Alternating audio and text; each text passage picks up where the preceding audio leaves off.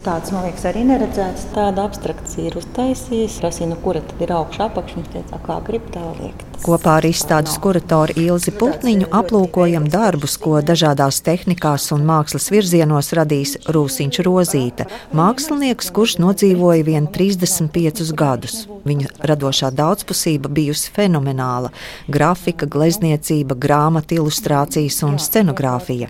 Izstādē eksponēti daudz grafikas darbu, arī akvareļi, kas mazāk zināmi un bijis pārsteigums arī pašai kuratorei.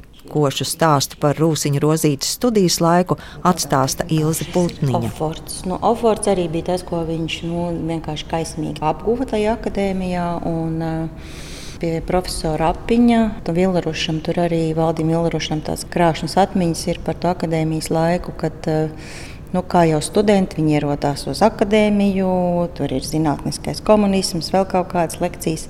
Bet Rūsiņš tā savirpina matu cirtu pirkstos un saka, ka viņam pa nakti bija ideja. Kamēr tie visi pārējie kursa biedri kā, nu, iet uz tām lekcijām, kas uh, viņus neinteresēja, un Rūsiņu arī netik neinteresēja, viņš pa to laiku ar fotoplatēm, un tad reizēm tas uh, apinis arī uz viņu bija šausmīgi dusmīgs, jo uh, viņš tik uh, neakadēmiski dziļi iegrieza to zīmējumu, ka tā plata pēc tam jau vairs nav noslīpējama un izmantojama otrais. Bet eh, nu, pa to laiku Rūsiņš savukārt realizēja atkal kādu no savām nu, mākslas idejām. Tā. Sava veida problēma bijusi, kā darbus izstādē sagrupēt, jo mākslinieka rokraksts ir ārkārtīgi dažāds. Ir pāris darbi. Rosiņš ir acīm redzot eh, tajā brīdī tos savus jautājumus mākslā atrisinājis tajās platēs vai darbos un dodas vienkārši tālāk. Tas viņu netraucēja. Tajā pat laikā te ir teiksim, grafika, līdzās ir eh, darbs eh, eļļas tehnikā, nu, klasisks glaznojums un akvarelis. Līdzās atkal ir grafika ar autora tehnikas eh, variācijām, teiksim, grafikas darbs, litogrāfija. Bet viņš pat e, īsti vairs nenorāda tieši precīzi to tehniku, kā vienkārši tā ir jaukta tehnika. Tas ir e, no glezniecības pienesums tieši tajā grafikas darba novilkumā. Nu, šeit arī teiksim, ir šī klusā daba ar to galdiņu, un savukārt apakšā klusā daba ar māla krūzi. Un, um, Nu, te ir nu, ārkārtīgi arī tāds precīzs, kā savs gleznojums. Glezniecībā tas ir tomēr kā, kā brīvāk un ekspresīvāk, bet abās vietās tā sasauce ir tieši šī nu, stikla virsma. Arī galdiņam, ja tā ieskatās, nu, tas ir stikla galdiņš. Un viņam ir šī atspīduma, un teiksim, kā tas ir tajā akvarelī, to materialitāti, kā jūt un kā tas ir eļļas tehnikā. Bet tad, kad to saprot, to ceļu, tad varētu teikt, ka tas ir došanās pa pēdām, rūsiņu rozītes, nu, tādām tehnikas izpētēm, tīri tādiem tehniskiem risinājumiem. Tad jau tas viss arī tāds tā kā savākās un sakārtojās. Rūsiņš Rozīte dzimis 1943. gadā. Mākslas izglītība kā daudziem - Jaņa Rozentāla mākslas skola un mākslas akadēmija. Viņa radošie gadi tā tad ir 60. un 70. Ilze Putniņa ievīja stāstu par veco tēvu. Svarīgi arī pieminēt Rūsiņa veco tēvu, Edvardu Rūsiņu, kuram bija mākslas izglītība. Viņš mākslu apgūta studēja Stiglica mākslas skolā, bet pa mākslas ceļu neturpināja. Citā veidā viņš izvēlējās tomēr būt par uzņēmēju, un viņš ir tāds pirmais nopietnais krāsu ražotājs Latvijā. Bija arī savulaik slavena Rozītas krāsu fabrika. Bet, nu, protams, padomi gadi šo visu pārsvītroja, sekoja arests un izsūtīšana.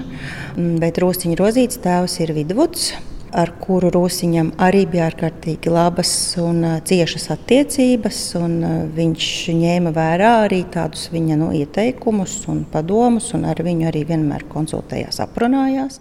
Tāds mākslas fons Rūsiņam, bet kā Rūsiņš Rozīta pievērsās scenogrāfijai.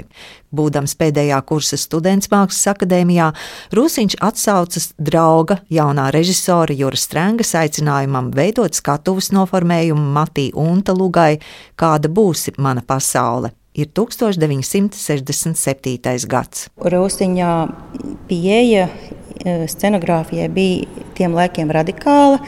Viņš izvēlējās melnu, absolūti bezpriekšmetisku nu, skatuves kvadrātu.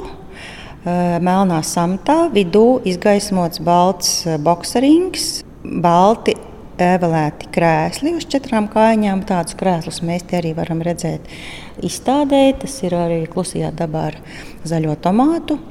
Aktieriem bija būtībā jādarbojas eh, ārkārtīgi nosacītā vidē, bez palīdzības eh, no priekšmetu puses. Tur domas un atmiņas dalās, ka bija liela pretestība, bet, eh, protams, tas nekad nebija redzēts, bet to tomēr pieņēma. Un arī tīri no tādas dramaturgijas viedokļa, arī tas jaunums bija tas, ka pats režisors Juris Strānga sēdēja skatuves zālē un no skatuves izrādes laikā arī izteica tādus komentārus, iesaistoties no skatītāja zāles puses izrādē. Bet nu, katrā ziņā par teātri un skatuvi un to skatuviskumu Rosiņa rozītas darbos par to arī nākas domāt, tīri skatoties uz darbiem, jo Jo patiesībā veids, kā tiek organizēts nu, tā darba virsma, kompozīcija, nu, tas arī ir savā ziņā tāds skatuvisks gājiens.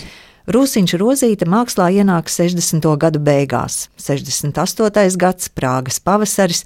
Tas cilvēku prātos ir tāds cerību laiks, kam seko vilšanās. Ja runājam par šo laiku, 60. un 70. gadi, nu, tur ir arī tāda nu, milzīga cilvēciskā vienatne.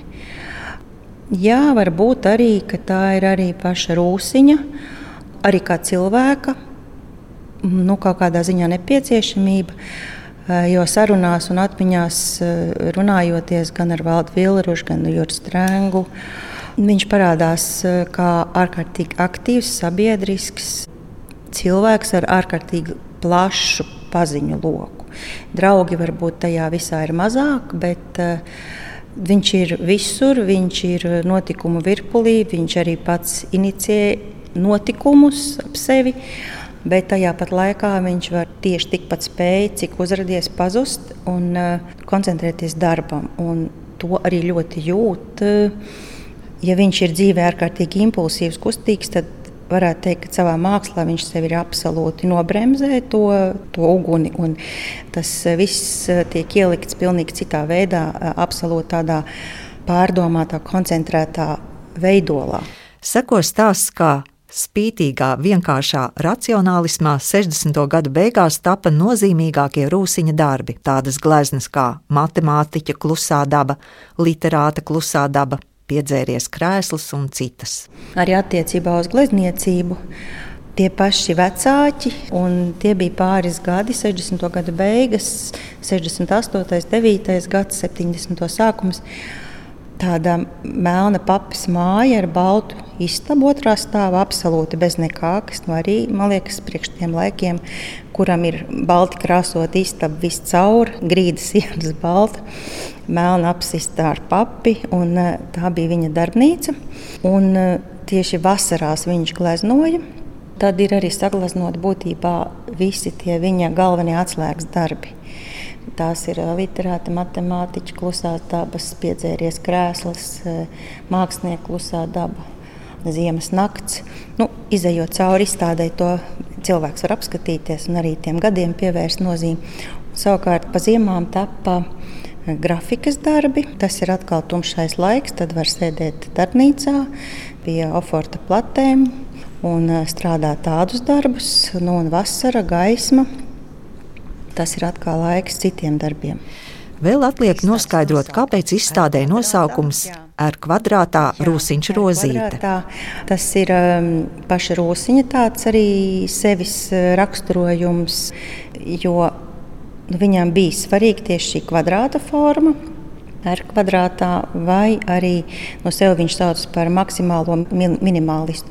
Tas arī raksturo to viņa attieksmi pret uh, to darba kompozīciju un teiksim, tādiem eh, nu, nereti varbūt eh, paslīd eh, roku uz kaut kādiem skaistiem mirkļiem, nejaušībām mākslas darbā.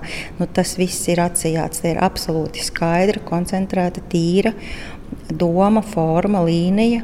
Nu, arī tā atbildība, tāda milzīga atbildība attiecībā uz savu darbu mākslā. Pakavējoties pie Rūsiņa rozītes darbiem, pārliecinos par mākslinieka unikālo rokrakstu un to, cik maz zinām par nesenās pagātnes spilgtām personībām mākslā. Noteikti ir vēl paudze, kas Rūsiņa rozītes darbus atceras, lai arī izstādes nav bijušas pārāk daudz. Iespējams, savulaik nenovērtēts, jo bijis savpats un neiekļāvās nekādā sistēmā un ismos. Tajā pat laikā viņš ir laikmetīgs mākslinieks, gan tolaik, gan tagad.